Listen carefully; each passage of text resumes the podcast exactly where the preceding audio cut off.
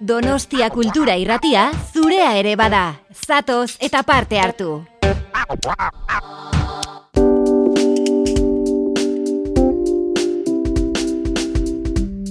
Ispilu beltza. Donostiako kulturaren berri, Oyer Arantzabal eta Kristina Tapia buizirekin. Egun honen zule, abenduaren bederatzia dugu gaur, ostirala, eta bagoaz gaurko ispilu beltzari ekitera. Badakizue, azken egunotan, ikasudeko bitxiak egon garela errepasatzen hemen, ispilu beltzan.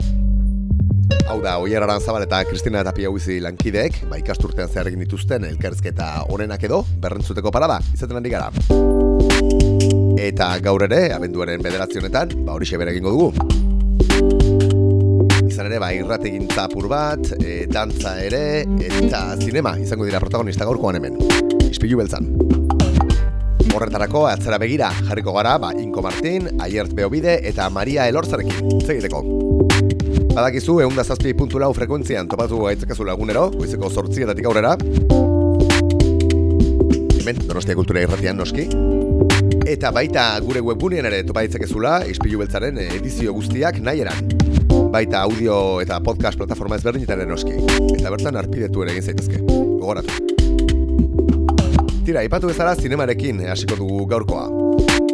A los libros y a las mujeres kanto filmea aurkeztera etorri zen eh, Maria Elorza, bera e, zuzendari berriak e, saiean izan zen e, pasaden zinemaldian, eta gurera bertaratu zen, badakizue zinemaldian, eispilu beltzak, ba, kursalean jartzen duela bere stand txikia, eta bertatik pasatzen Maria Elorza, esan bezala, a los libros y a las mujeres kanto bere filmea aurkezteko.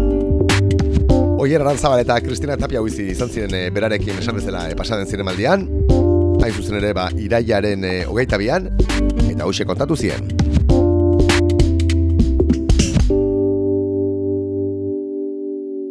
Kursalean jarraitzen dugu entzule eta hasieran iragarri dugun bezala gaur Maria Elorza zuzendaria daukagu gurekin Donostia Kultura Irratian, berak zuzendari berriak sailean aurkeztuko baitu a las mujeres y a los libros kanto filma filma bitxia, orain hitz egingo dugu horren inguruan, entzungo duzue kursaleko zurrunbiloa, hemenkin gurekin Maria daukagu eserita. Zer moduz, egunon? Egunon, ba, ondo, pixkat urduri proiekziarekin, baina, bueno, pozik eta eta ilusio handiz. Zuzendari berriak atalean, baina Maria ez da berria. E, egin ditu egin ditu laburrak e, e, zinema gile bezala ere bueno, badu bere bilbidea. Askotan hori aipatu izan dugu, ez?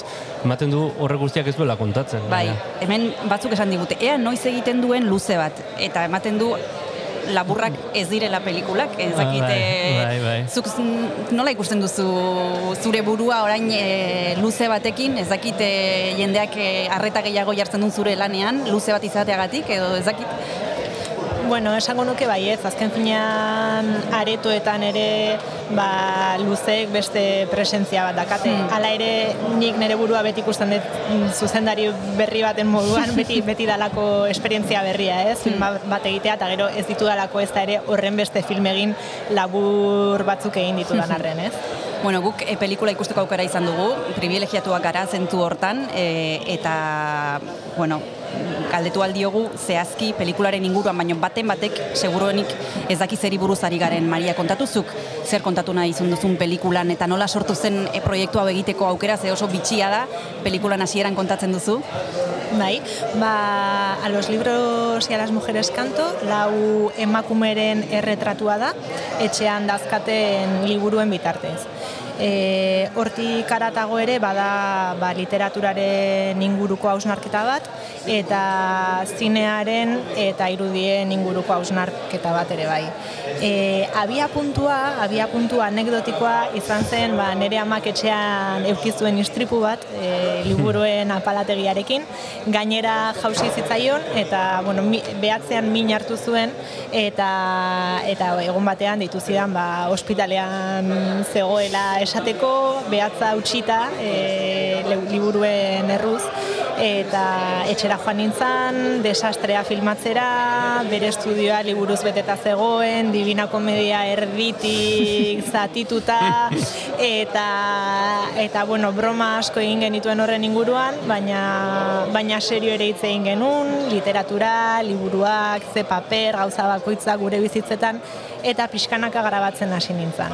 Eta, eta horrela hasi zen filma, e, film bat izango zela ez nekienean oraindik. Zuk e, filmatu zenuen, hori jakin gabe hori pelikula bat bihurtuko zela gero, osea, ordun e, zure amaren etxera zoaz kamararekin, por si acaso.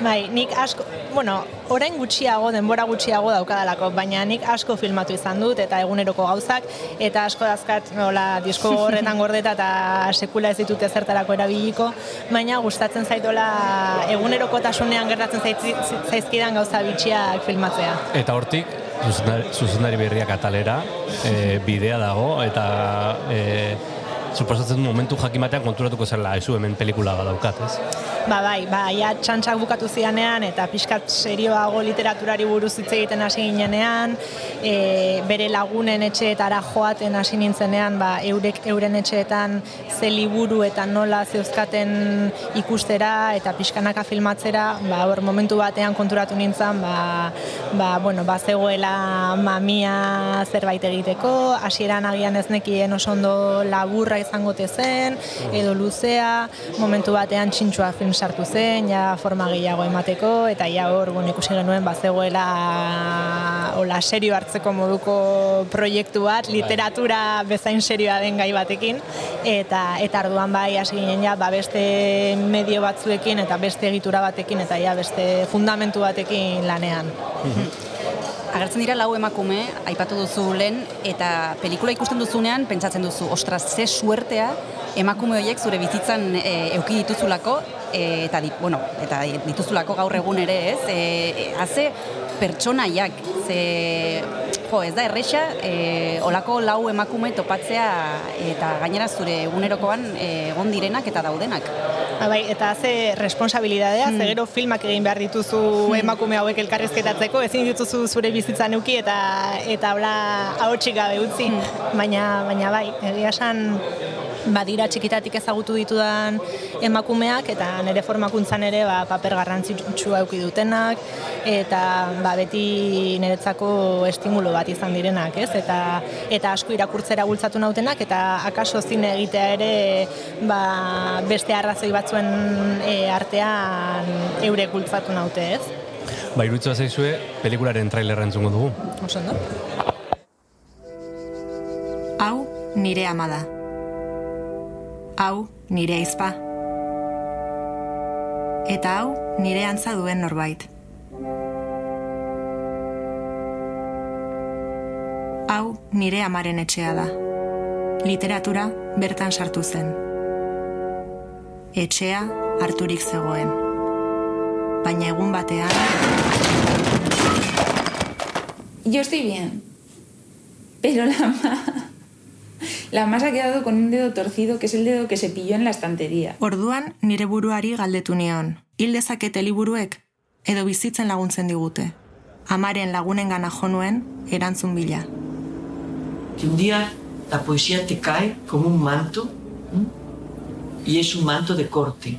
Te protege como un manto de corte. En mis eh, incursiones por la, por la provincia, pues yo prestaba libros y luego hacíamos, quedábamos para hacer el comentario de texto. Nos desprendimos de, de, de del papel. Del, pa del pasado. De, y del pasado. Hay mucho de esto. Film honetan erleak daude. Suteak, zigarro gileak, hegazkinlariak, zaldiak, emakumeak eta liburuak.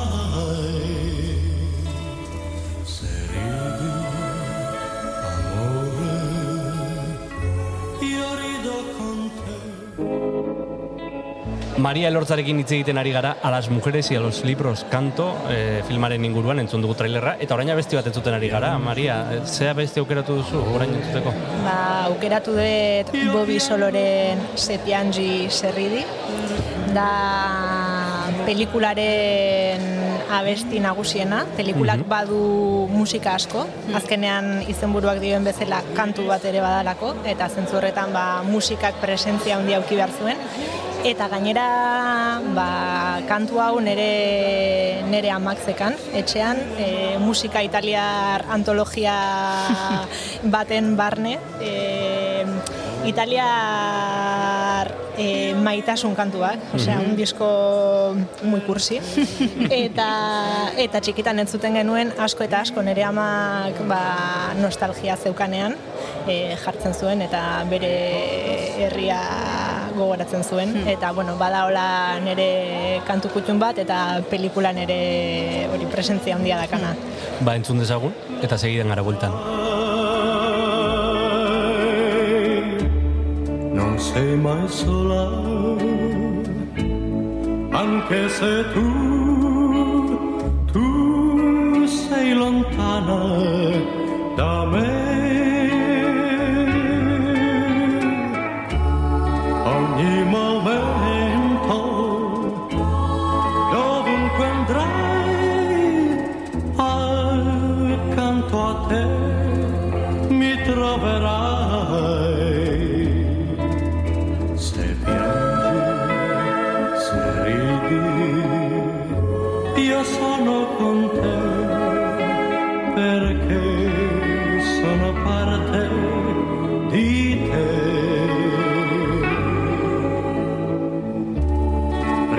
Ricorda sempre quel che tu fai sopra il mio volto lo rivedrai.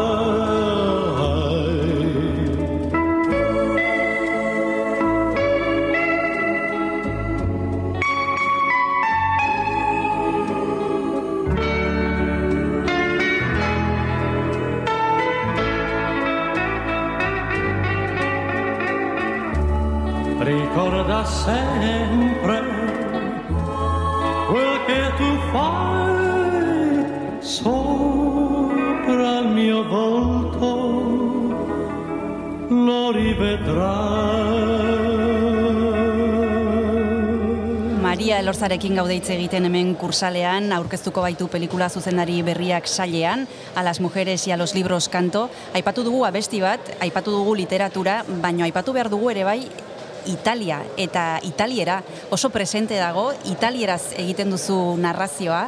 Em, ikusten nuenean pelikula pentsatzen nuen e, zure amari em, omenaldi txiki bat egiten ari zinela edo amodiozko gutun bat idazten nolabait pelikularen bidez. Ba, noski baiet, e, egia esan e, pelikula bada amodio gutun bat lau protagonistei eta omenaldi bat, eta noski ba, nere amari batez ere, eta, eta bai, niri, bueno, italiar elementua asko gustatzen zait. Beti ni ere italiar hiritarra ere ba naizelako, eta, eta hori ere errebendikatu behar dut, zergatik ez. Eta, eta bueno, gero pelikulan ere asko hitz egiten delako ba, interkulturalitateari buruz asko hitz egiten da filmean. E, ez dakit, azkenean eta literaturari buruz ere e, iz, hizkuntzarekin lotuta, ez? Eta, eta hor ba, hizkuntza anistasunak ere par, paper bat eukiz esan nahi nuen, ez? Eta, eta pentsatzea, ba, bueno, ez duela asko importazio hizkuntzatan hitz egin, ba, denok elkar ulertu dezakegulako, ez? E, nahiko nuke agian e, labur-labur esplikatzea zein den emakume bakoitza. Batetik dago zure ama eta gero beste mi, hiru emakume, lagunak eta familian, bueno, ja, ja, familiako kide bezala direnak zuentzat. E, bi lerrotan zein da bakoitza eta ze paper izan duzuen bizitzan? Vale, ba, Loreto, da, bueno, hiru emakumeak, nire amaz gain, beste hiru protagonistak nire amaren lagunak dira. Orduan, e, beti txikitatik ezagutu izan ditut, eta umetan ba, denbora pasadetu eraiekin, ez? E, lehenengoa Loreto, e, aukeratu nuen filmerako ba, literatura eszenaratzen duelako bere bizitzan asko, ez? E, ba, adibidez, armairuan dazkan jantziak e, pertsonaia eta idazle ezberdinekin lotzen ditu, ba, badu Samuel Beckett txamarra bat, edo Marlene Dietrich gabardina bat, e, horrelakoak, ez? Eta gustatzen zitzaian hain justu e, literatura material tal, materialtasunera eramateko era hori, ez? E, eta norbaitek literatura jantzten duenaren ideia hori. Hori alde batetik Loreto, literatura irakaslea eta eta, eta literatura jantzten duena. Bestalde dago Biki, Biki berez ez da literatura irakaslea, baina oso irakurzalea da eta eta garai batean petearen liburuak zeramatzan bere kotxean, atzekaldean eta probintziatik zijoan e, marxismo leninismoari lotutako liburuak uzten langilei eta komentarioak egiten eta bueno, garai hori oso atzean gehatu den arren, ba, berak jarraitzen du asko irakurtzen eta baita ere literatura ba, arma bat bezala ikusten, ez? Eta eta literaturari buruz ba asko hitz egiten. Eta azkenekoa balda, berak e, geteri buruz egin zuen tesia, alemana da, bal? Eta, eta gustatzen zitzaidan, ba, geteri buruz hitz egiten duenean, ematen duela bere bizilaguna dela, ez? E, gaineko pixuko bizilaguna dela, eta egunero ikusten duela, eta, eta kafea elkarrekin hartzen dutela, ez? Eta, eta baita ere gustatzen zitzaidan asko, balek kontatzen zuela, ba, berak txikitan e, oso pobreak ziren, eta etzeka libururik etxean, bakarrik errezeta liburu bat eta biblia bat, ez? Eta nola horrelako pertsona bat bihurtzen da literatura espezialista bat, ez? Hor gertatzen dien gauza guztiak, ba, bueno, oso interesgarria iruditzen zitzaidan, ez? Eta pentsatzea hori, literatura ez dala bakarrik elite batentzako, baizik eta pertsona xumeentzako zerbait ere badela eta denon patrimonioa dela, ezta? Oh, nola baitere, eh, argazki gintzan bezala, eh, bada modu bat ere persona hauek betirakotzeko, ez? Betikotzeko, ez? E, filma opari bat ere bada eta bada e, etorkizunen beste norbaitek ezagutu ditzan tresna bat ere, ez? Ba bai, e, hor daude bi gauza, ez? E, alde batetik nire motivazio pertsonala, esango nuke beti zinea egiten dudanean e, dela ba, bizitzan dauden gauza onak nolabait gorde nahi ditu dalako, ez? Eta ez, horrela pasatzen utzi, ez? Bezik eta neuretzako nolabait gorde eta hor mantendu. Eta bestalde film honetan zehazki, ba, badago e, emakume hauek niri literatura transmititu diaten moduan, ba, nik ere transmisiolan horrekin jarraitzeko gogoa. Ordun horrekin, ba, transmisiolan horrekin harreman bat dago, ez? E, filma egiterako orduan. Bigarren atxeden hartu behar dugu eta horretarako bigarren abesti bat eskatu behar dizugu. Lehen jarri duzu pelikunan agertzen den e, Italiako abesti bat. E, orain zer entzun dezakegu eta entzulekin partekatu, Maria? Ba,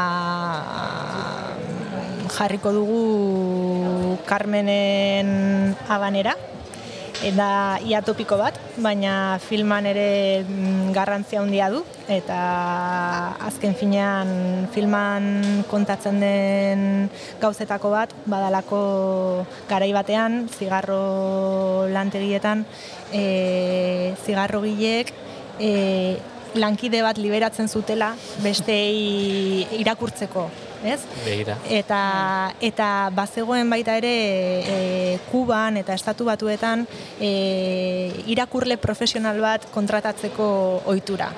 eta asko gustatzen zait, e, lehen esaten nuen bezala, ez? E, literatura ez dala eliteen e, gauza bat pentsatzea, ez? Eta zigarro gilen kontu honek oso ondo islatzen du hori. Eta, bueno, horrexegatik abanera. Entzun dezagun.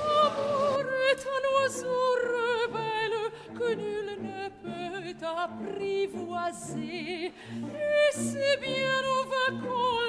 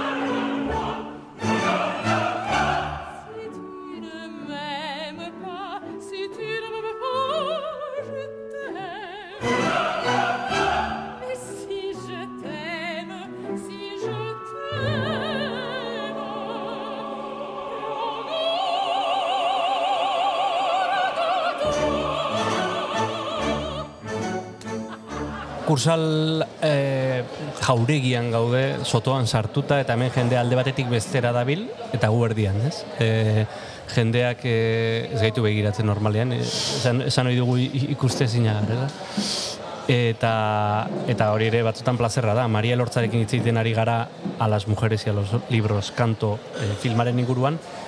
Mm, Konta iguzu, nola izan da, lehenengo luzea egitea, e, pelikula batek pixatzen du, ez? E, eta aurkezten duzun momenturaino, ez? Jendearentzat da hasiera, aurkezpen hori, baina zuretzako ja da amaiera, ez da amaiera izango, baina bai dagoeneko filmarekin denborazko bizira onduz, e, duzu, ez?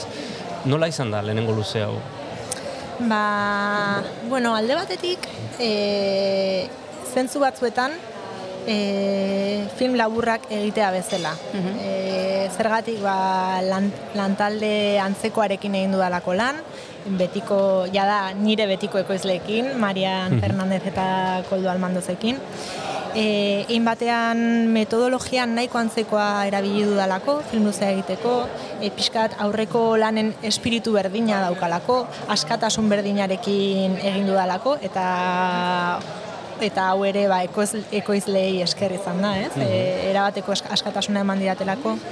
Baina bestalde, ba, komentatzen zenuen moduan, prozesuak askoz luzeagoak dira, eta lehenengo irudiak 2018an grabatu nituen, beraz, ja, badira lau urte lehenengo lehenengo irudiak grabatu nituenetik. Orduan, e, pixutsua izan da mentalki momentu batzuetan, ez? E, denbora asko ba, gai batean murgilduta, gauza berari bueltak ematen. Orduan, esango nuke hori film laburrekin alderatuta metodologia aldetik eta antzekoa izan dela, baina askoz intensoagoa eta askoz, askoz luzeagoa. Zaila izan da amaitzea? Bai, bueno, neri beti pasatzen zait, eh, nire lan guztiekin ez dakidala amaituta ote dauen. Ez dakizu non jarri puntua. Bai, hori da, eta film honekin ere, ba, seguraski lanean jarrai nezake betirako, osea, gainera gaiak ematu, ematen duelako, ez? E, baina bestalde uste dut, ba, iritsi naizela e, zerbaitetara, ez? Osea, ikusleak e, ikus dezakela eta zerbait ulertu eta nolabait e, filma hartu eta bereganatu, ez? Uste dut ez dala ez da ere hola formarik gabeko amalgama bat, ez? Baina, bueno, beti ba, askotan, gauza askotan bezala kasualidadeek markatzen dute bukaera eta eta ondo dago bizitzan ere dana ez dira erabakiak, ez? E, bizitzak berak ere erabaki behar ditu gauza batzuk. Bai, eta bietako bat izan da zu zuzendari berrietan egotea, eta hemendik aurrera urrengo pausua izango litzateke sail ofizialean ze zuzendari berrietan ez zara egongo, gehiago, ja ezagutzen e, dizutelako, eta nik ezakit e, pentsatzen duzun e, sarian, edo hori ja beste gauza bat da, inoiz pasatu zaizu burutik, ezakit nola bizitzen ari zaren egun hauek, kasu honetan zu protagonista izan da, eta ez ikusle bezala. Ba, bueno, a ber, sariena nahiko zaila iruditzen zaitegia esan. Eta bestalde, jo, a ber, ezakit, zinea egiten dezunean, edo jaialdi batean zaudenean, ba, beti bizitzen dezu, hola, urduritasunakin, eta beti dakazu, ba, gauza berriak egiteko ilusioa, edo gorago juteko ilusioa, baina aldi berean, ezakit, badago jendeak amets bat duena, ez? Eta esaten du, ba, bea, nik nahi dut e, Hollywoodera jun, edo nahi dut Oscarretara jun, Eta nik ez bakat bokazio hori, ezak nola esan, edo jende batek esaten du, ba, nik egin nahi dut e, fikziozko film luze bat, ezakitze aktorerekin, nik ez dut inoiz hori sentitu, ez? E, bai sentitzen dut e, filmatzeko beharra, eta esango nuke ez da ere ez dala bakarrik filmatzeko baizik, eta e, gauzak adierazteko beharra, ez? Edo lehen komentatzen genuena, ba, maite ditudan gauzak nolabait gordetzeko eta finkatzeko beharra, ez? Orduan, bueno, zentzu horretan, ba, ez dakit, etor dadila etorri behar dena, eta sail ofizialera sekula joaten ez banaiz ere, ba, ez da drama bat izango, ez dakit. Garrantzitsuena da filmatzen jarraitu alizatea, ez, eta gauza kontatzen, eta eta batez ere bizitzen, ez. Bizitza zinearen gainetik egon behar dalako, eta... Guri ere kostatzen zaigu amaiera puntua jartzea, egongo lako gure gonbidatuekin e, ez, luze, zabal, izketan, baina amaituko dugu. E, igual, irugarren abesti batekin, ez? Venga, Venga. Eh, ja, bierrek nahi du aprobetsatu, eh? Claro, Ikusi duzu suelto Maria eta... Bai, azkar, azkar botatzen du. Venga, ba, jarriko dizuet filmeko irua, esken ere filma kantuz beteta da, hor, bai, bai. hor dakat repertorio bai. oso majo bat. Eta venga, aukeratuko dizuet orain, e, Sardiniako kantu tradizional bat, uh -huh. así, pa terminar con una cosa como... Vale. Venga, bota. Dala, Antonet du Mantonet du, e, Maria Kartak abestuta, bai. da bandidu baten kantua, eta azaltzen dira hiru ahots. Hasten da lehenengo Antonet Duren emaztea, Antonet da bandidu bat eta mendietan dago eskapatuta. Bai. Eta emaztea kantatzen dio, dio Antonet Duri eta esaten dio bere bihotza triste dagoela senarra mendian dagoelako eta lagunek traizionatu dutelako eta saldu egin dutelako. Gero amak kantatzen dio Antonet Duri bai. eta eta azkenik Antonet Duk erantzun egiten die eta esaten die mendian baldin badago e, ez da bera miserable bat edo traidore bat delako, baizik eta bere honorea intakto dagoela eta eta triste ez egoteko beragatik.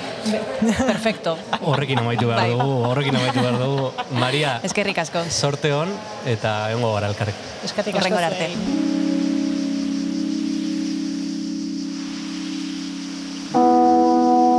Horixe bera izan da Maria Lorzak, Kristina Tapio eta Oier Arantzabalik kontatutakoa aurrera egingo dugu hemen, izpilu beltzan. Musika pixka batekin oraingoan. Pellegrino artistaren Astri Erriflesi kantua entzuten ari gara, bere Genti del Mediterraneo diskotik. Funk Napolitar apur bat.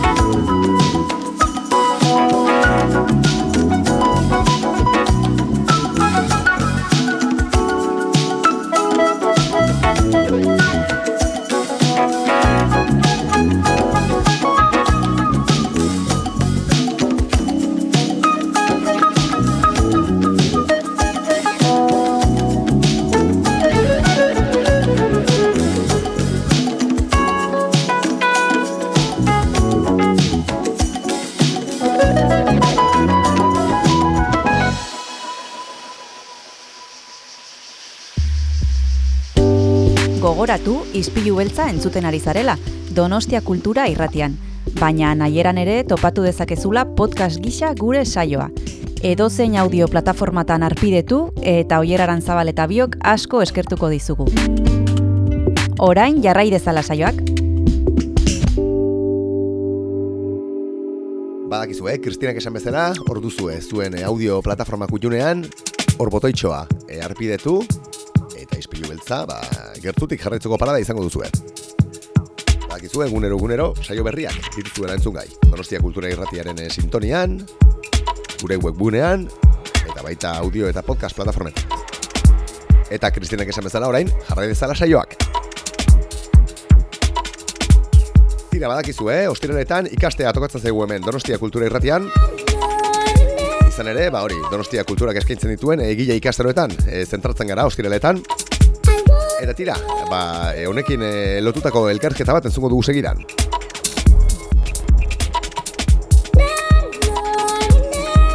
Pasaden urriaren zazpian, izan genuen Inko Martin, e, lankide eta laguna gure mikrofonoetan, izan ere, berak eh, Laboratorio de Desarrollo de Radioficción e, tailerra eskaintzen du, urte osoan zehar hemen eh, Donostia Kultura Erratian. Eta horren inguruan hitz egitera etorri zitzaigun. Eta Kristina Tapio bizik, ba, berarekin hitz egiteko aukera izan zuen. Entzun ezagun, ia zer kontatu zion. Aurten ere ostiraletan entzule e, ikastea gustatzen zaigulako e, ikastaroen berri emango dugu. Badekizue Donostia Kulturak hainbat ikastaro antolatzen dituela. Iaz iazko ikasturtean ostiralero hitz egiten genuen e, irakasle batekin eta orain ere hilabete hontan hasiko dugu ostiralero ostiralero ikastaro baten berri ematen. Eta gaur berriro daukagu gurekin Inko Martin e, berak irratigintzari buruz e, ikastaro bat e, ematen duenez. E, hemen izango dugu horren berri emateko Egunon, Nico, ¿qué tal estás? Egunon, ¿qué tal? Muy bien. Bueno, el año pasado, el curso pasado, mejor dicho, ya hablamos contigo, pero por si alguien no nos escuchó en aquel momento, vamos a volver a hablar del curso, de los cursos que se ofrecen en Donostia Cultura y en este caso del que ofreces eh, tú. ¿Qué vamos a, a, poder aprender contigo en esta ocasión? Cuéntanos. Eh, bueno, pues el curso, al igual que el año pasado, ya desde hace bastantes años, va sobre ficción sonora, radioteatro, mezclados un poco. Y bueno, pues es un curso en el que pues partimos de, de las herramientas que se disponen, que disponemos eh, a radio, eh, tanto voz como música, efectos sonoros, silencio incluso, y a partir de ellos, eh, como de base, pues empezamos a, digamos que a experimentar, empezamos como a jugar, a utilizarlas, a mezclarlas y poco a lo que a lo que surja a lo largo del taller. Radioficción y radioteatro. Mm, ¿Hay diferencia entre las dos cosas? ¿Cómo los definirías cada una para alguien que no está muy puesto en estos temas? Yo creo que ficción sonora es como más moderno y radioteatro era antiguamente. Entonces hay gente igual un poco más mayor que relaciona. Al final yo los veo como conceptos. Sí que radioteatro puede ser más en vivo que la ficción sonora que normalmente pues está grabado todo en un estudio y luego y luego editado pero pero bueno yo básicamente los veo como como iguales sí que puede tener el componente de hacerlo en vivo el radioteatro pero bueno más que nada es porque al final el, pues eso el, el enunciado hay personas que les puede sonar más tú cuando dices ficción sonora no le suena nada, le dices radioteatro y sí, y hay gente a la cual le dices ficción sonora y si quieres sonar radioteatro le suena como algo muy muy muy antiguo o ni siquiera le suena. Hmm. Pero bueno, yo más o menos los veo como igual, o sea, en el taller tampoco nos centramos también ficción sonora, pues no lo sé, nosotros, o sea, yo estoy abierto a que ellos puedan realizar cualquier eh, formato radiofónico que les apetezca, lo mismo como si quieren hacer poesía musicalizada o, o metiendo efectos, como si quieren hacer un documental, como si quieren hacer algo más experimental o artístico. Yo estoy abierto, al final es una manera de, pues no sé, de titular, digamos, el, el, el taller, pero que bueno, luego durante el taller ellos están abiertos a crear cualquier cosa siempre que sea algo creativo. ¿Y quién puede apuntarse, Inco? Eh, estamos hablando de personas que ya han tenido algún contacto previo con el mundo de la radio, gente que eh, por, por, por, su profesión eh, está un poco en este mundo, no tiene por qué. Eh, no tienes por qué, o sea, da igual que hayas hecho algo de radio, que tengas algún conocimiento o, o no, en realidad partimos de cero, o sea, yo intento partir desde el, desde, desde el pensamiento del que el que viene no tiene ni idea de nada. Entonces empezamos muy, muy básico. Luego ya, pues claro, tú vas viendo que hay gente que tiene muchos más conocimientos que otros, entonces pues más o menos haciendo una mezcla, vas juntando unos con otros un poco más para que se ayuden y, y así vamos tirando, pero al final no hace falta que tengas ningún, simplemente con que tengas un poco de interés sobre pues el mundo sonoro y lo que puedes llegar a crear simplemente con, con el sonido creo que es suficiente no hace falta que tengas ningún conocimiento previo. Bueno, interés se da por hecho. Mm, quien se apunta a este tipo de talleres pensamos que lo hace porque le apetece y porque quiere. El perfil de los que ya van, ¿tienes un grupo de fieles? Eh, ¿Cambia cada año? ¿Hay gente que se apunta una y otra vez? Eh, ¿cómo, son quienes No, ya en- asisten? En realidad cada año son diferentes. Sí que ha habido algunas personas que han repetido porque les gustó bastante el anterior, igual pues quieren volver a hacerlo, pero ya con un poco más de base. Pero normalmente cambia cada año, además es como súper, eh, no sé, es como muy variado. Al final te puede aparecer gente como muy joven, igual imagínate, una actriz, un actor, pues que le ha interesado por el lado más en vivo de- del formato este, como te pueden aparecer pues unos jubilados que simplemente les gusta leer poesía y han pensado, oye, pues igual podemos hacer como una especie de, de podcast, digamos, de, sobre poesía y puede ser un buen lugar para aprender a, hacerlo. Entonces es súper variado. Hay veces que, sí que ha habido veces que ha sido como muy homogéneo, que de repente dices, ostras, todo gente bastante mayor, pero lo normal es que haya una mezcolanza brutal de edades, de géneros, de, de todo. Ahora mismo vamos a seguir hablando del taller de radioficción y radioteatro que imparte Inco Martín en Donostia Cultura, pero nos vamos a tomar un descanso y como sabes, Inco, a los invitados les pedimos que nos pinchen una- canción, algo que les apetezca escuchar y compartir con los oyentes. ¿Qué se te ocurre? Vamos con una tranquilita, con una más movidita. Para el café, ¿qué prefieres? Eh, pues primero la movida, venga. La movida, pues vamos a poner una de, de Cure, Ujú, que se llama Three Imaginary Boys. ujú. Perfecto, pues vamos a escuchar a The Cure.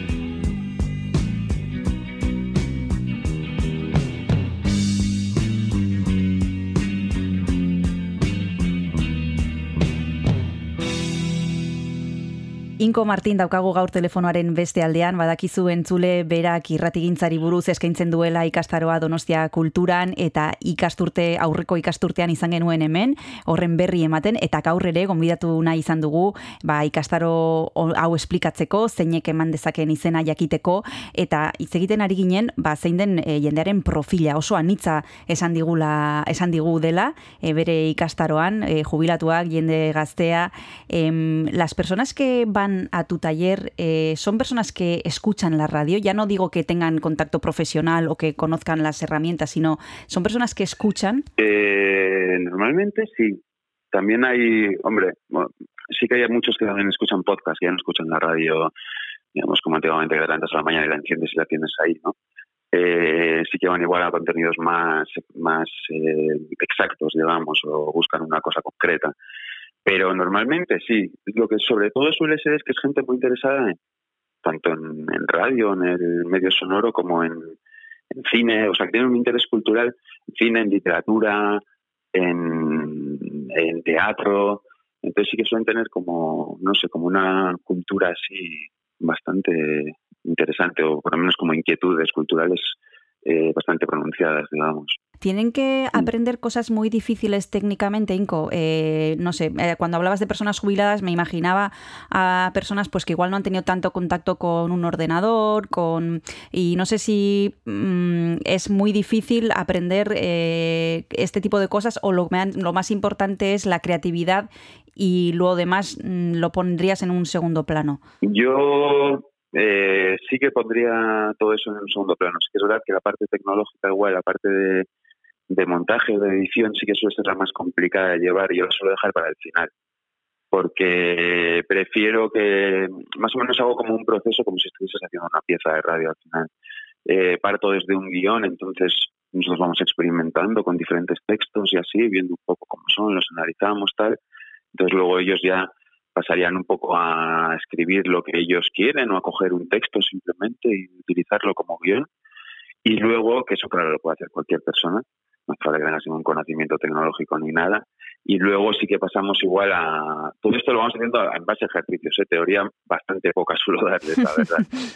y, y luego pues sí jugamos con la voz, jugamos con maneras de locutar, luego ya les enseño más o menos cómo se hace la grabación, les enseño cómo entran las pistas, cómo entran las voces, y luego ya jugamos con las músicas, con, con qué nos puede aportar una música, poniéndola en un momento, en otra, o un silencio, a los efectos sonoros también, intentamos hacer algunos allí en vivo, a modo de foley, para que vean también cómo se puede hacer pues un efecto sonoro sin tener que utilizar un, ordenador y, buscar en una biblioteca o en un archivo de sonidos. Y luego ya la última parte, que suele ser como el final del taller, yo sí que les propongo por grupos hacer pues un par o tres piezas depende de la gente que haya. Entonces yo les separo por grupos. Y claro, la parte tecnológica se la explico muy básico, porque sé que tampoco puedes llegar muy allá, muy, muy lejos. Y al juntar los grupos siempre me suelo fijar a que haya una variedad de edades y de conocimientos tecnológicos. Entonces, pues igual va tirando más del carro uno, pero el resto sí que va viendo cómo avanza. Y luego yo lo que les invito es a que en su casa ellos vayan practicando, pues por ejemplo con el Audacity, con algún programa sencillo, y que simplemente vayan montando una pista de voz con una de música, vayan haciendo unas ráfagas, y eso al final es práctica y práctica. En el taller tiene una duración de 20 horas y es eh, imposible que tú cojas un, eh, un conocimiento de edición muy, muy grande. Al final es lo que tú trabajes en tu casa, ¿no? sea, lo que tú pongas de tu parte, pero ya fuera del taller. Digamos que yo les doy como unas nociones básicas y luego practica. Pero sí que para mí al final les digo, esto es practicar y practicar. Esto si tenéis tiempo bien, si no, pues no pasa nada. La cosa es que se os ocurran cosas, que os vengan cosas a la mente que, que os creen una ilusión o unas ganas de luego pasar al resto de fases y ya explorar más y, y coger una experiencia. Uh -huh. Hablaba Cinco de otro elemento importante cuando hablamos de, del mundo sonoro y es la voz. Y, y, yo me he encontrado con muchas personas que le dan muchísima importancia a la voz y creen que si no tienes una voz, pues como la de Iñaki Gabilondo, eh, no puedes eh, hacer nada, nada en, un, en este tipo de cosas. Eh, a ti también se te acercan personas preocupadas por eso, porque a veces es como, bueno, la voz no la podemos cambiar, el resto de cosas sí, podemos aprender a editar, podemos tener una idea más creativa o menos, pero la voz, bueno, eh, no sé si a ti también se te, se te acercan preocupados por eso. Sí, yo creo que es como un cliché de la radio, ¿no? Que tienes una voz muy profunda, muy grave y así. Pero yo creo que es algo que se está rompiendo. O sea, hoy en día tú escuchas la radio y hay muchos, muchas voces con colores muy diferentes. Al final es mucho más. Para mí es más enriquecedor. O sea, no lo sé, que no todo sea el, el mismo, la misma voz monocorde siempre, pum, pum. Si no es así, no vale. Para mí valen todo tipo de voces. O sea, al final es que tú puedas transmitir eh, un mensaje y también puedes transmitir incluso unas emociones en base a tu voz. Da igual que sea muy grave, que sea muy aguda. Da igual, a mí no me, no me, no me importa, la verdad. Eh, sí que hay gente que igual te viene y te les da un poco palo. Suele ser como el momento más crítico igual del taller, que es cuando les pones delante del micrófono y le dices, vale, pues a esta, este texto, este cuento que te has traído, me lo vas a locutar delante del micro. Y yo lo que suelo hacer es, pues no sé, como juegos para que pierdan un poco el miedo en plan de, imagínate, coges un prospecto de, yo qué sé, de un ibuprofeno, por ejemplo. Eh, y entonces leerlo, pues en plan, de una manera erótica. Léemelo un poco de una manera. Entonces, claro, te echas unas risas del copón. Te hacer el gamba, y hago el gamba incluso. Ahora léemelo como si fueses un, un soldado, en general. Ahora como si fueses una presentadora de, de Sálvame Deluxe. Ahora es como si fueses un, eh, pues un locutor de deportes, una locutora de deportes. Entonces, vamos jugando y al final ese juego, que bueno, no va a quedar perfecto ni nada, pero es una manera de que pierdan ese miedo. Entonces luego ya cuando tú les pides en plan que pongan una entonación o un tal, ya como que les no les da palo. También hay que tener en cuenta que son gente que no se conocen. Entonces eso también hace que les dé un poco más de vergüenza. Pero luego ya como que se olvidan de, la, de, de esa voz, entonces como ya se está haciendo gamba tanto, le dices, ahora ponme una voz muy profunda, como de terror, como si tuvieses miedo, y vas a leerme el texto. Y te voy a poner una música de fondo que te va a acompañar. Y entonces tú ya ves que aunque no tengan una voz pues perfecta según el modus operandi, pues eh, como ellos ya intentan jugar con la voz, o sea, ya se lanzan un poco a la piscina. Y nada, eso está guay, a mí eso me gusta. Sí que eso es el momento crítico del taller. De- hay algunos que no les da ninguna vergüenza, pero luego sí que hay gente que ves que dices, ostras. Yo normalmente además les pongo de espaldas al resto, porque si les pones ya de frente al, re- a- al resto Ya. del taller ya, uff, Es peor. te empiezan a tener las manos con el guion y dices, esto va mal, no va a ir bien. Entonces, pues bueno, de espaldas como que le da más, no es las caras del resto y entonces pues te puedes centrar más. Ahora mismo vamos a seguir hablando de cómo imparte Inco Martín su taller de radioficción y radioteatro. Nos vamos a tomar el segundo descanso. Antes me has propuesto una canción de The Cure, La Marchosa, y ahora va la, la más tranquila. ¿Qué has pensado para Vale, compartir pues, con los oyentes? Eh, vamos a poner Agnes Oel y vamos a poner, por ejemplo, Dorian. Perfecto. Pues vamos a escucharla.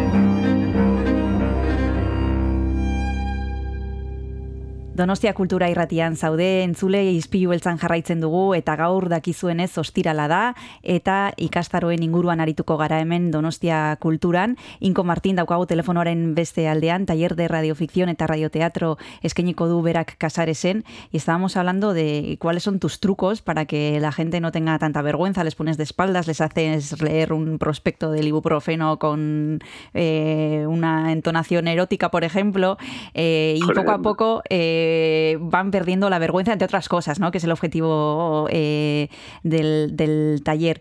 Al final del curso, eh, no sé si hay historias que se repiten, ¿no? Por ejemplo, has mencionado, pues, yo qué sé, poesía, eh, historias que ellos tienen en su cabeza. ¿Qué tipo de historias suelen ir saliendo habitualmente o son todas diferentes? Normalmente la gente sí que más a ficción, a ficciones. Y, y yo les suelo pedir que no se compliquen mucho. O sea, para mí al final eh, prefiero que hagan una cosa muy corta y sencilla a que se líen la manta con una historia de, pues, imagínate, cinco, cinco secuencias diferentes, cinco escenarios diferentes, que al final es súper complicado luego de montaje. Entonces les digo, creo que puedes contar lo mismo en un solo escenario en vez de en cinco y va a ser mucho más fácil. Al final, si luego lo quieres hacer tú en tu tiempo libre o cuando quieras, pues sí que vas a tener tiempo, pero en el taller yo siempre les digo, o sea, una buena idea no tiene que ser, o sea, no, no tiene por qué ser muy larga, ¿sabes? O sea, en un, en un simple, imagínate, bajar a la playa y tirar la toalla en la arena, puede haber una historia. Y es muy corta, o sea, es, es nada. Entonces, sí que les invito a que hagan cosas más, más pequeñas, digamos, más simples, más sencillas, que no se la manta. Luego al final mucha gente se lía la manta muchísimo y empiezas ya a ver los guiones y entonces sacas la podadora y dices fuera, fuera, fuera, fuera, fuera, porque es que mm, sé que no, va no te va a dar tiempo que lo hagas. O sea, y va a ser demasiado complicado para las nociones que, que has cogido en el, en el taller. Más adelante, si tú practicas y tal, pues sí que te puedes enfrentar a una historia como esa. Pero en el taller, yo eso, a lo más sencillo. Luego, en cuanto a, a historias y géneros y así, ahí, por ejemplo, sí que suelo ver mucho eh, con edades. Siempre, no sé, es, curioso, pero las edades igual, la gente más mayor siempre tiende a hacer como historias bastante tristes y casi siempre son como diálogos entre dos personas. Y, y sí, suele ser como más, no sé, más profundo, triste o como muy, muy dialogado. Luego, la gente más joven sí que tiende a, pues puede ser desde ciencia ficción hasta movida eh, rollo thriller o cosas así. Sí que tienen como unos géneros igual más variados. Yo creo que es también mucho por influencia de, pues de las series y de, películas y así, no lo sé. Pero bueno, sí suele ser interesante, yo siempre les digo. Luego también hay gente que tiene una concepción súper experimental. También me parece muy... O sea, yo siempre les invito a eso, que hagan, a que hagan alguna locura. O sea, que no hagan algo típico, pues eso, una conversación sin más, no. Haz una, una cosa que sea loca, o sea, que sea, si da igual, estamos para jugar, para experimentar, o sea, esto no va a ir a, no va a ir a ningún concurso ni nada así, o sea, ya y, bueno, que luego se emiten en, en Donostia Ratia, pero, pero bueno, que, que eso, que jueguen, o sea, que es el momento para que hagan algo experimental, o sea, algo que sea extraño, nadie les está pidiendo algo ni les está poniendo unas condiciones, ¿no? Entonces sí que hay gente que de repente te trae algo así y dices, ole, esto sí mola, porque esto es muy diferente. Hablabas antes, Cinco, de que hay veces que tienes que sacar la podadora porque la gente se extiende más de lo que eh, debiera. Y yo no sé si una de las dificultades también es que cuando uno escribe en el papel, pues parece que mm, se puede hacer un poco casi de todo, ¿no? Y, al- y el papel lo aguanta todo, pero luego eh, no estamos acostumbrados a pensar en, en- en el modo sonoro. Y hay cosas que en el papel funcionan, pero que luego no funcionan en la radio. Y dar ese salto también eh, es difícil. Eso pasa mucho con las imágenes y con acciones, porque sí que hay imágenes que, claro, tú al final esas imágenes tener que, vas a tener que conseguir que el oyente o la oyente lo imagine en su cabeza, cree esa imagen. Entonces en el papel queda muy fácil que tú lo escribas, pero es eso, que luego sonoramente busca la manera de que esa imagen llegue al- a la imaginación del que, del que lo va a escuchar. Entonces yo suelo decir, o sea, esa imagen, cuéntame en base a qué sonidos tú la vas a reproducir, porque hay veces que es prácticamente imposible, o sea, o tú lo narras directamente, que yo siempre les invito a que no lo narren, o sea, prefiero que algo se cuente en base a tres sonidos a que el protagonista me diga dónde está y qué está haciendo. No, ponme un par de sonidos y yo ya interpretaré. Pero claro, eso es difícil conseguirlo y hay que, al final tenemos como un- una manera de escribir muy visual. Y claro, con, con, el, con el medio sonoro es lo que pasa, que es que esa manera visual la tienes que traducir en sonidos. Y hay veces que no hay sonidos, hay cosas que no tienen un sonido identificable. Una pistola sí, por ejemplo, pero hay cosas que dices, ¿cómo suena esto? O sea, no tengo ni idea de cómo suena. Entonces, prácticamente te lo tienes que inventar. Entonces, eh, sí que hay muchas veces que yo les digo, eh, esto no, o sea, es, es prácticamente, es muy complicado que lo hagas. O sea, casi que que vas a, a pasar todo el tiempo que vas a tener para hacer esta pieza en discurrir cómo vas a contar esta, esta escena o este momento de la, de la historia. Entonces sí es difícil. Yo luego también, yo, o sea, a mí mismo a veces eh, también solo tengo que podarme, porque hay veces que, por ejemplo, en diálogos y así, que tú dices, eh, a ver, o sea, tengo, eh, yo qué sé, 10 frases, creo que en una lo puedes contar. Eso suele ocurrir mucho, que la gente dices, ostras, hay demasiado diálogo. En serio, o sea, ¿qué es lo, qué es lo importante? Esto, vale, pues quita esta frase, esta, esta, esta y esta, que son súper bonitas, ¿eh? O sea, tienen, vamos, una, es un- una movida filosófica del copón, o sea, es una pedazo frase de la leche, pero no dice nada, es paja.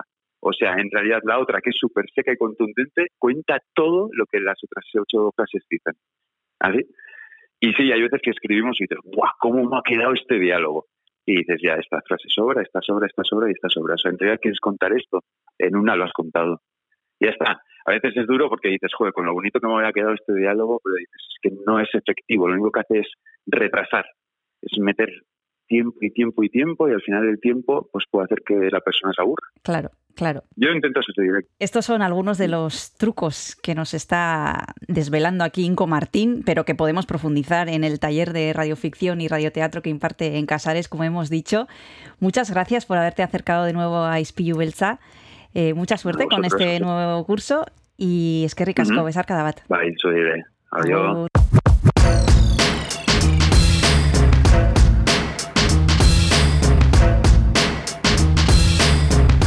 Ispilu beltza. Donostiako kultur paisaiaren isla da Donostia Kultura Irratian eta zure audio plataforman Spotify, Apple Podcast, Google Podcast eta irratia.donostiakultura.eus webgunean.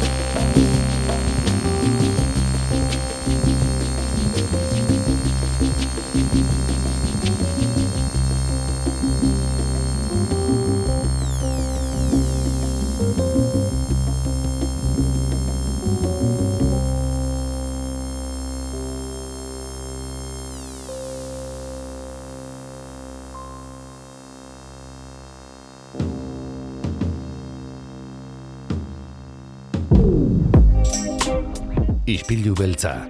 Astelenetik ostiralera, Oier Arantzabal eta Kristina Tapia buizik zuzendua. Donostia Kultura Irratian. Alaxe da bai, ispilu beltza dau, Donostia Kultura Irratian. Eta Iñaki bera lagunak esan bezala, Oier Arantzabal eta Kristina Tapia bizi hemen izaten dira, eh? Astelenetik ostiralera. Txintxo, txintxo. Donostiako kulturaren eh, nobedade eta berritasunak, ba, zuen garaino hurbiltzeko noski. Gu gaur hemen ari gara, eh? ikasturteko bitxiak, berrikusten, eta tira gaurko azken elkarrizketa e, dantzarekin, dagolotuta. Horretarako, ba, autobusa hartu eta igeldo aldera igoko gara. Herrimak bi honetan ikuskizuna egon zen eh, ikusgarri pasaden eh, urrian, igeldoko frontoian, egin zuten ere, pasaden urriaren hogeita bian. Eta tira, ba, aiert beobide zuzendari eta dantzaria, izan genuen hemen e, izlari, ispilu beltzan, e, ba, herrimak bi honetan ikuskizun honen arira. Entzun ezagun zarkatu zion Kristina Tapia hoiziri. Gaur dantzari buruz hitz egingo dugu ispilu beltzan igeldoko frontoian, urriaren hogeita bian, herrimak bi oinetan lana ikusteko aukera izango dugu, eta guk Donostia Kultura irratira aier beobide, zuzendari eta dantzaria gonbidatu dugu. Egun hon aier, zer modu zaude? Kaixo, bueno, hemen mentxe batetik bezala, landalan, beti bezala. Behar den bezala. Landalan ez da gauza txarra, ez? Ez, ez, ez, ona. Batzuetan ez den igual lan gehiagin egin dugula gauzatxo gutxi ateratzeko, baina, Bai. bueno, ez, ezin gara kexatu, ezin gara kexatu. Momentu ona pasatzen ari dea kompainia, eta aprobetsatu behar. Oso ondo, oraintxe bertan hitz egingo dugu konpainiaren egoeraren inguruan, baina batez ere nahiko genuke asteko aiert esplikatzea zer den e, herrimak bi oinetan. Bai, ba, bueno, herrimak bi honetan da gure proiektu kutxun bat. Mhm. Kutxuna da e, konpainiari hasiera eman zion e, proiektuari jarraika egin dugun e, emanaldia delako, horregatik da bi oinetan, ez, lehenengo guak e, ba, ez zuen bi hori, le, herrimak oinetan zen, eta bengoan bi oinetan, ez. Eta zer den, ba, bueno, pixkate egiten buruan antzeman daiteken modura, ba, bertsoekin jolasten dugu, ez? E, bueno, guzti hau martxan jarri genuenean, unai elitzazu, bera e, bertso saietako gai jartzailea da, eta bertso munduan ere asko ibilita, eta berak, e, bueno, e, ezaguna dut ere aspalditik bera, eta bera, berarekin hizketan, ba, ba, bueno, bururatu zitzaigun horrelako eh, esperimentu bat egitea, bere garaian batez ere, esperimentu izan bezan lehenengo bat, da, ba, bueno, eh, bertso saio, dantzatu bat egitea. Hau da, beta gai jartzaile, gaiak eh, proposatu jartzen dizkie dantzarieri, eta dantzariek eh, gai horiek dantzan eh, erantzuten dituzte. Hori da, eh, funts batean, eh, bueno, eman, emanaldiaren erroa hori da, ez? Eta, bueno, ba, bueno, a, a, ezen dizudan bezala, hau bigarren eh, emanaldi bat bezala da, ba, gai guztiak aldatuta, eta formula guztiak pixka bat errepikatuz, baino, baino ia jakin da, ze, ze nola e- erantzuten duen ikusleak, zer gogoko duen, guk nola sentitzen genuen lehenengo emanaldi hori, ba, joan gera, ba, pixka bat eh, aldatzen gauzak, egin ditugu bertso plaza ezberdinak, ez? E, lehenengo emanaldi hartan izango balitz bezala, ba, ba bertso saioiko bat, edo plazako bertso saio bat, hemen egin dugu, ba, ba bai txapelketako saio batetik, e, bertso afari batera, gaztetxe batean egin dituzken bertso saioetara, eta pixkat egin dugu bidaiatu bertso plaza ezberdin horietatik, ez? Eta, ba, oso, oso polita, oso interesgarria, oso freskoa, egia esan emanaldiak, e, bueno, eman dizkigu arrelako postasun eta alaitasun handiak, e, mugitzeko aukera emendiketanik, eta emanaldi desiente berrogeita marra emanalditik gura namagu, mila emeretzian atratako lan honekin, eta egia esan, ba, oso oso pozik. Mhm.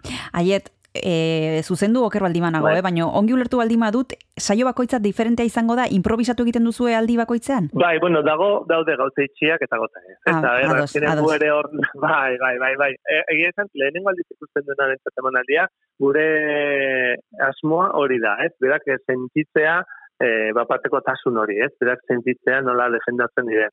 Baino, dantza izanik, musika jago da e, ezarria, Ja, ados. letrak ere nahi genituen izan eta hitzak eta ze bueno azkenean e, lehenengo emanaldi hartan e, izan genuen genuen esperientzia oso honatzen ba, laguntzen zuela e, hitzek laguntzen dute ere e, dantzaren nondik norakoak edo espresioa batez ere dantza garaikidea batzuetan hain abstraktua dela irudien horrek, ba nola, ba nola hitz batzuek laguntzen duten ba guzti horri zentzu ematen eta kanal bat gehiago gehitzen, ez?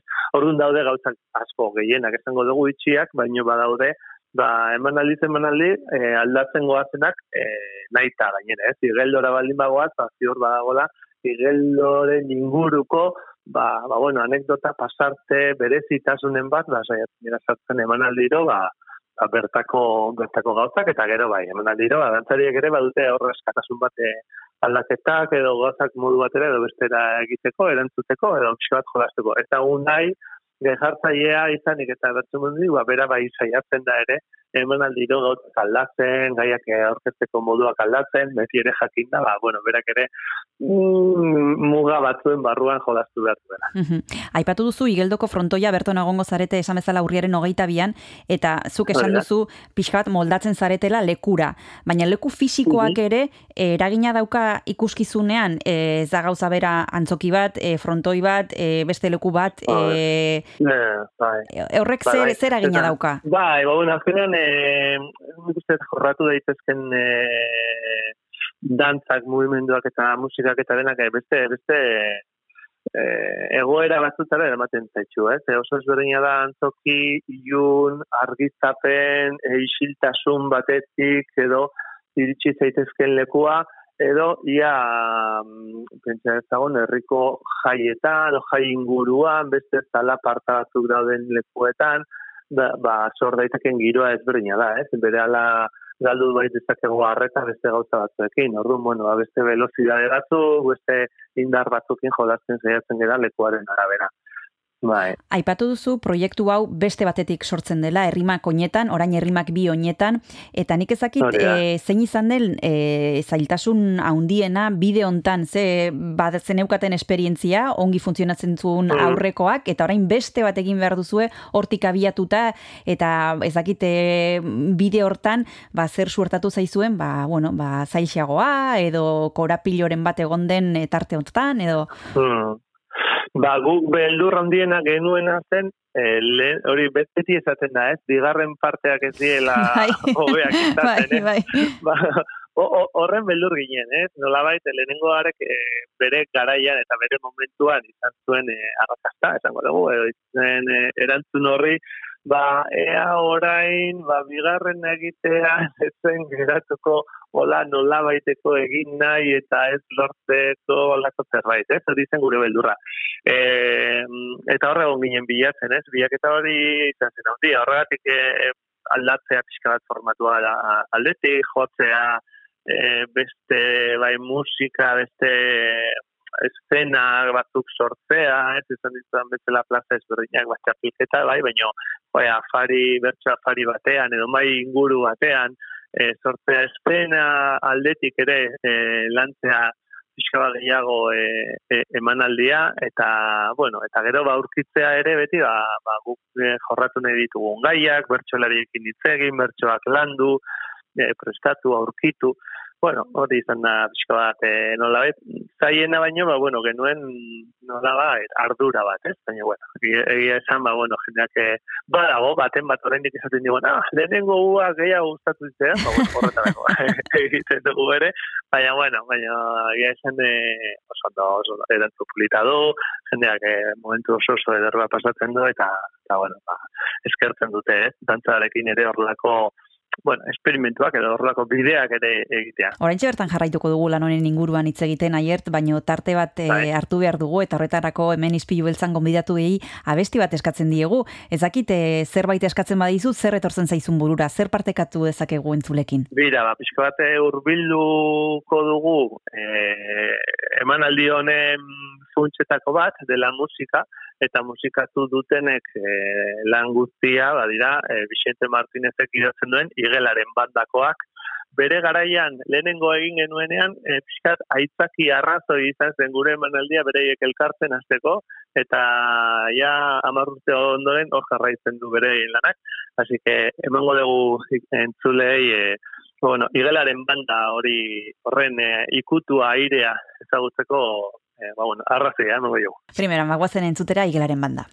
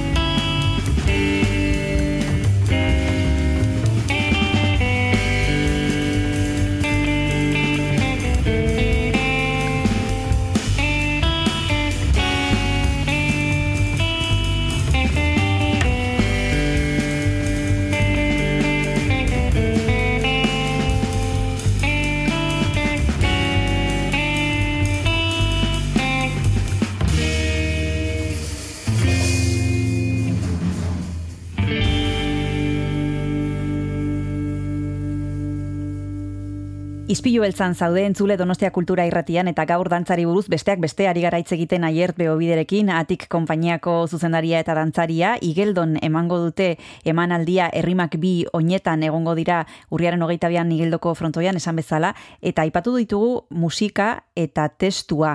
E, goazen lemiziko musikarekin, esan bezala Vicente Martinezek e, sortu du, eta horren aitzakiarekin, ba, igelaren banda e, berriro daukagu gurean, hemen izan genuen ispilu beltzan Vicente Martinez eta esplikatu zigun e, ba, nola izaten ari zen e, itzulera.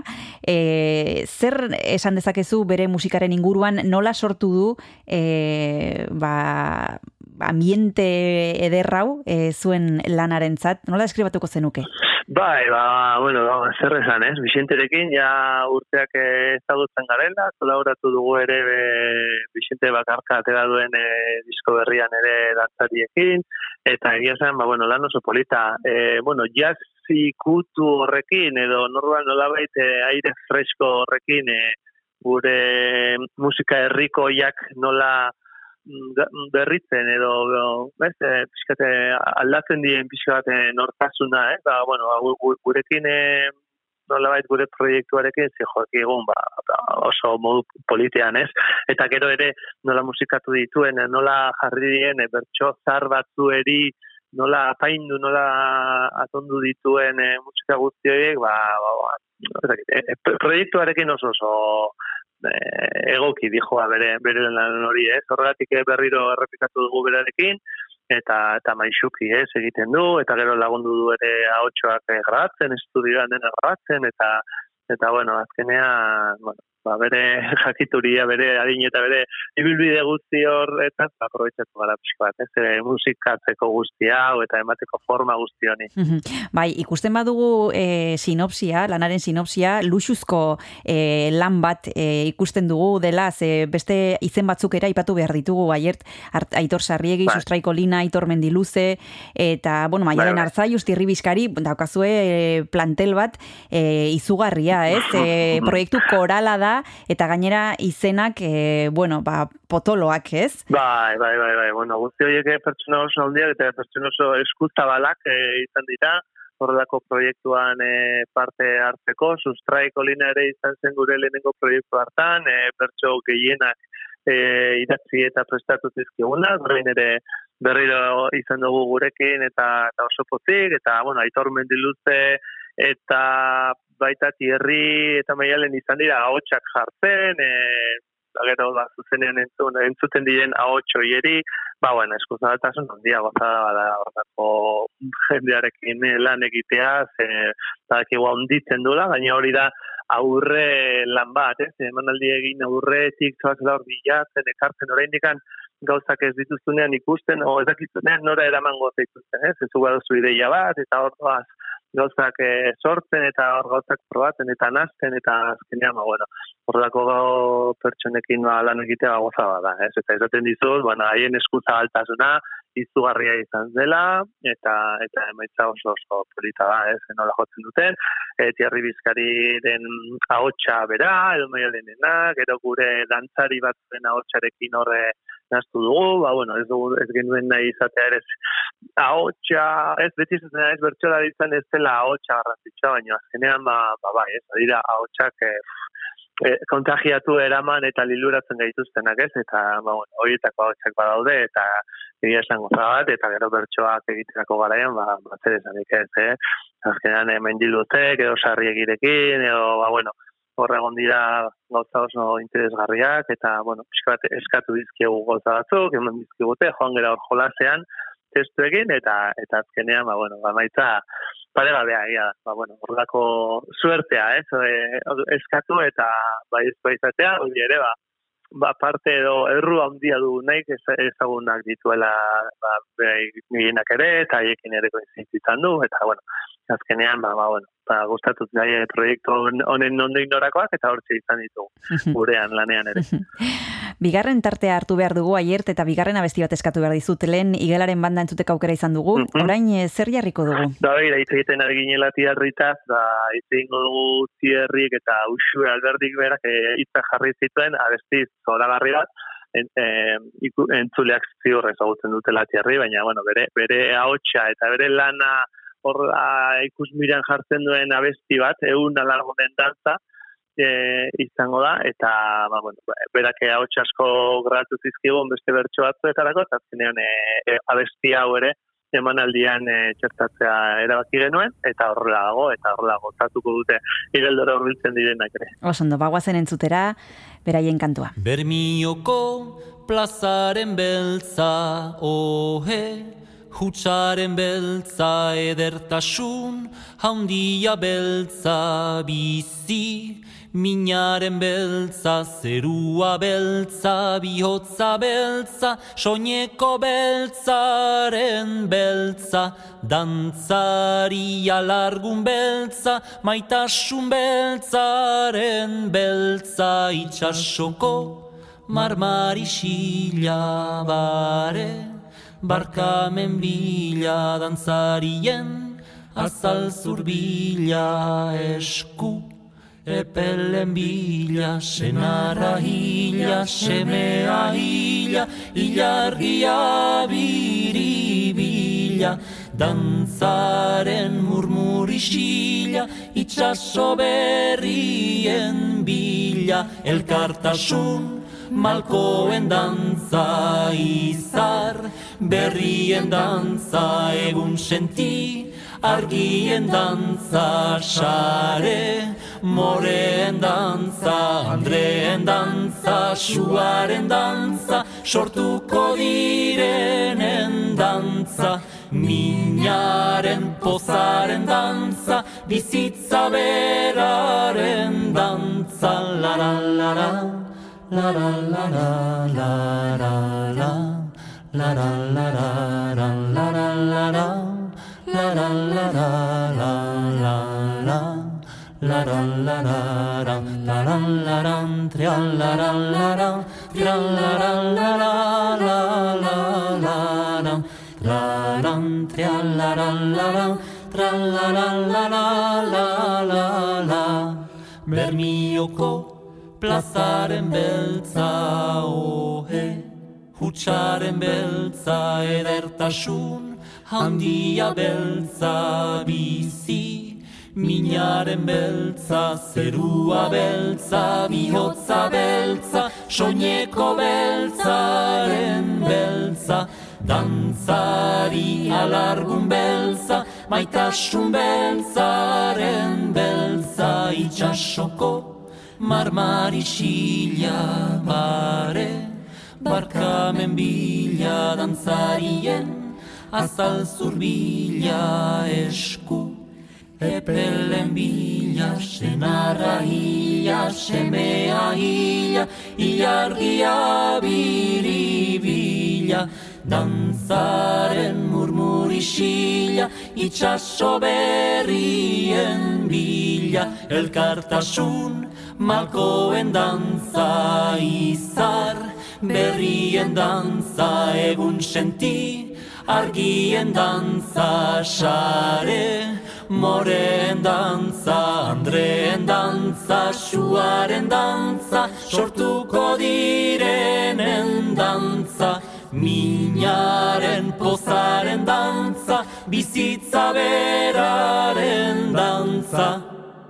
Donostia kulturan jarraitzen dugu, Donostia kultura irratian, herrimak bi oinetan e, daukagu gaur izpide, eta horretarako aier beobide gonbidatu dugu, atik konpainaren zuzendaria eta dantzaria, urriaron ogoita bian egongo dira ratxaleko zazpietan igeldoko frontoian, eta ipatu ditugu, ba, bueno, euskal panoraman izar batzuk e, e, daudela, eta bertan e, lan egiten dute, herrimak bi oinetan lanean, eta nik ezakit nola antolatzen den horrelagako lan koral bat, e, zehazkenean e, zuk ideia daukazu buruan, baina gero eskupila bat daude hor, eta norbaitek Bai. erabakiak hartu behar ditu, eta bueno, pixka bat ezakit, e, as- e, kanpotik zaila ematen du, ezakit gero erresi, erreski egin duzuen.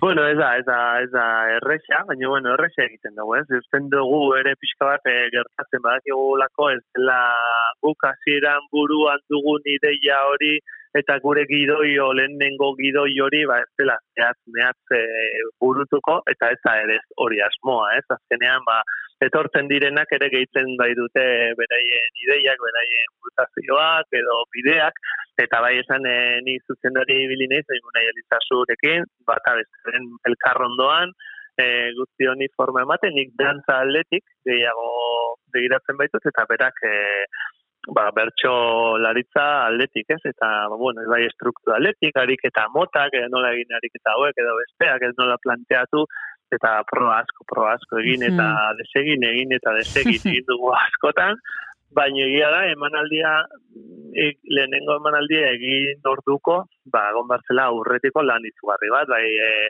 bertsoak idatzita, musikak eginda, ahotsak jarrita, eta ba bueno, ba hor sukaldeko lan hori, ez? Zu txikian joan gero egiten eh, poliki poliki gauza guzti horiek eta bueno, eta azkenean, ba bueno, ateratzen da, ez dakizu egia da a, eh, nola aterako den esan dudan bezala, ez? Ez dakazula inoiz eh, argi, baino badakizu zein den bidea eta gero bat holako jendearekin, eh, pertsonekin elkartzen zarenean, ba, dena errazago eta ederrago bihurtzen da bidean, orduan, bueno, baza gehiago loratzen dira, eta gehiago disfrutatzen dira, ez usteko ederrak ateratzen bai dira, eta azken momentuan, ba, gauza batzuk beste nora bide batera eramaten dituzu.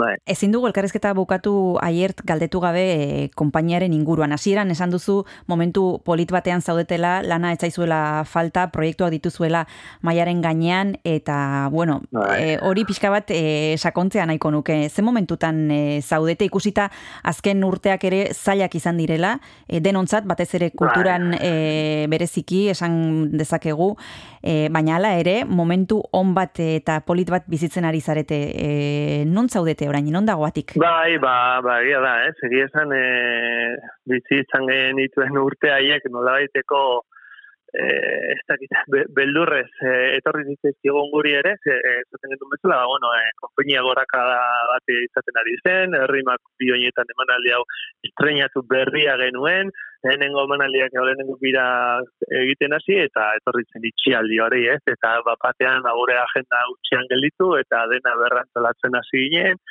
eta bai beldurrez. Baina, bueno, egia da ere, ba, ba bueno, nola sortez no, e, kultura bultzatzen edo laguntzen egon diren sektore guzti hori esker, ba, jarraitu genuen lanean, uda hartan, eta horrengoan, eta eta jarraitu genuen, ba, ikusi genuen proiektu berriak genezkan eskuartean, eta egiteko aukera izan dugu, eta egiazen ba, herrimak binetan lan honetaz gain, ba, ba gaude ur bizitan eh, lanarekin, beste proiektu erraldoi bat, eh, abenduan, ai, abenduan ez berkatu, azaroan izango garela eh, gazteztenan, eta beste proiektu erraldoi bat da, eta hor bai da, ere dauditugula, izen oso oso oso potoloak, Pascal Geinek eh, musika sortu bait digu, zuzenean, eh, Iñaki Diege, eh, Javi Perez de eta man, Manu Gein izango ditugu musika jotzen, eta Koldo Izagirreren gidoi batekin.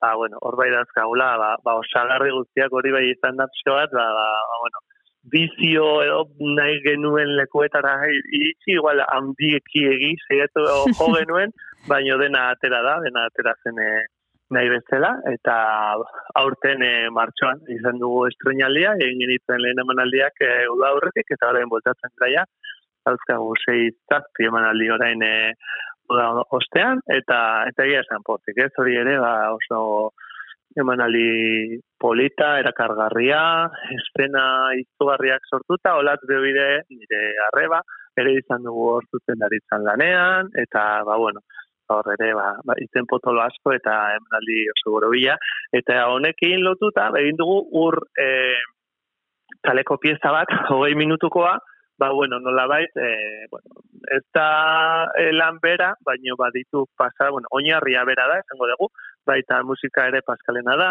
koloren e, testu batzuk e, zuzenean e, egiten dituzte dantzariek beraiek, eta pieza honekin ere, iaz aurkeztu genuen umore azokan, eta ibili gea batetik bestera, udara honetan Portugalen ibili gara ere manaldia eskaintzen, eta, ba, bueno, ba, manaldia horrekin ere, ba, ba, batetik bestera, eta horra jarraitzen dugu, ba, momentu honetan, ba, herri mabioenetan, ur kalerako eta ur bizitan.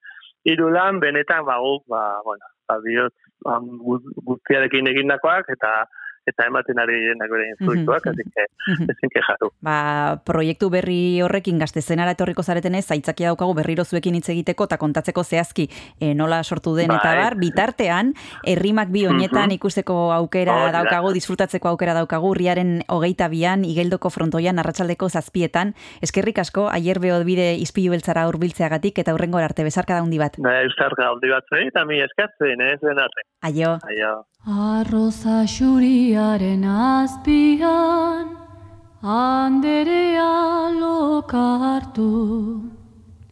Elurra bezan xuri, ekia bezain ederrik. Irur kapitainek zeraukaten, gorte zinguraturik.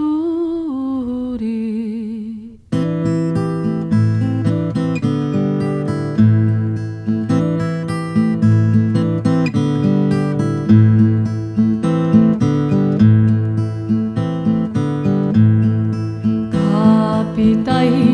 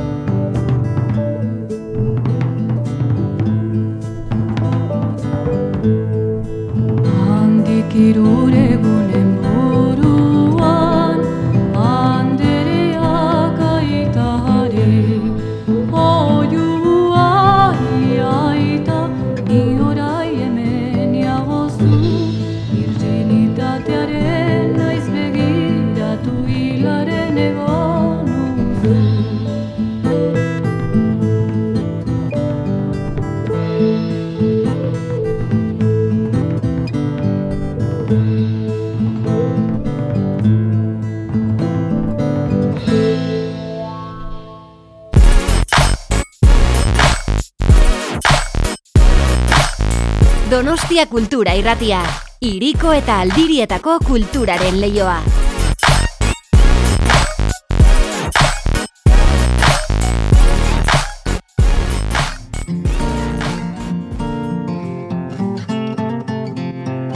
Tira, ba honaino iritsi zaigu gure abenduaren bederatzi honetako Ispilu Beltzaren edizioa. Denetatik eta ona izan dugu gaurkoan ere bai, eh? Zinemarekin hasi gara, irratigintza izan dugu ondoren, eta igeldo aldean dantzarekin amaitu dugu. Datorren astelenean itzuliko gara gu, ekipo titularrarekin, hau da, Jon Gartzia, Oier Aranzabal eta Kristina Tapioizirekin. Beraz hori ez galdu Donostia Kultura Irratiaren eh, frekuentzia, zuen irratia partuetan. Esandakoa, asteburuna pasa dezazuela, eta datorren eh, astean izango gara bueltan. Ondo segi, aio!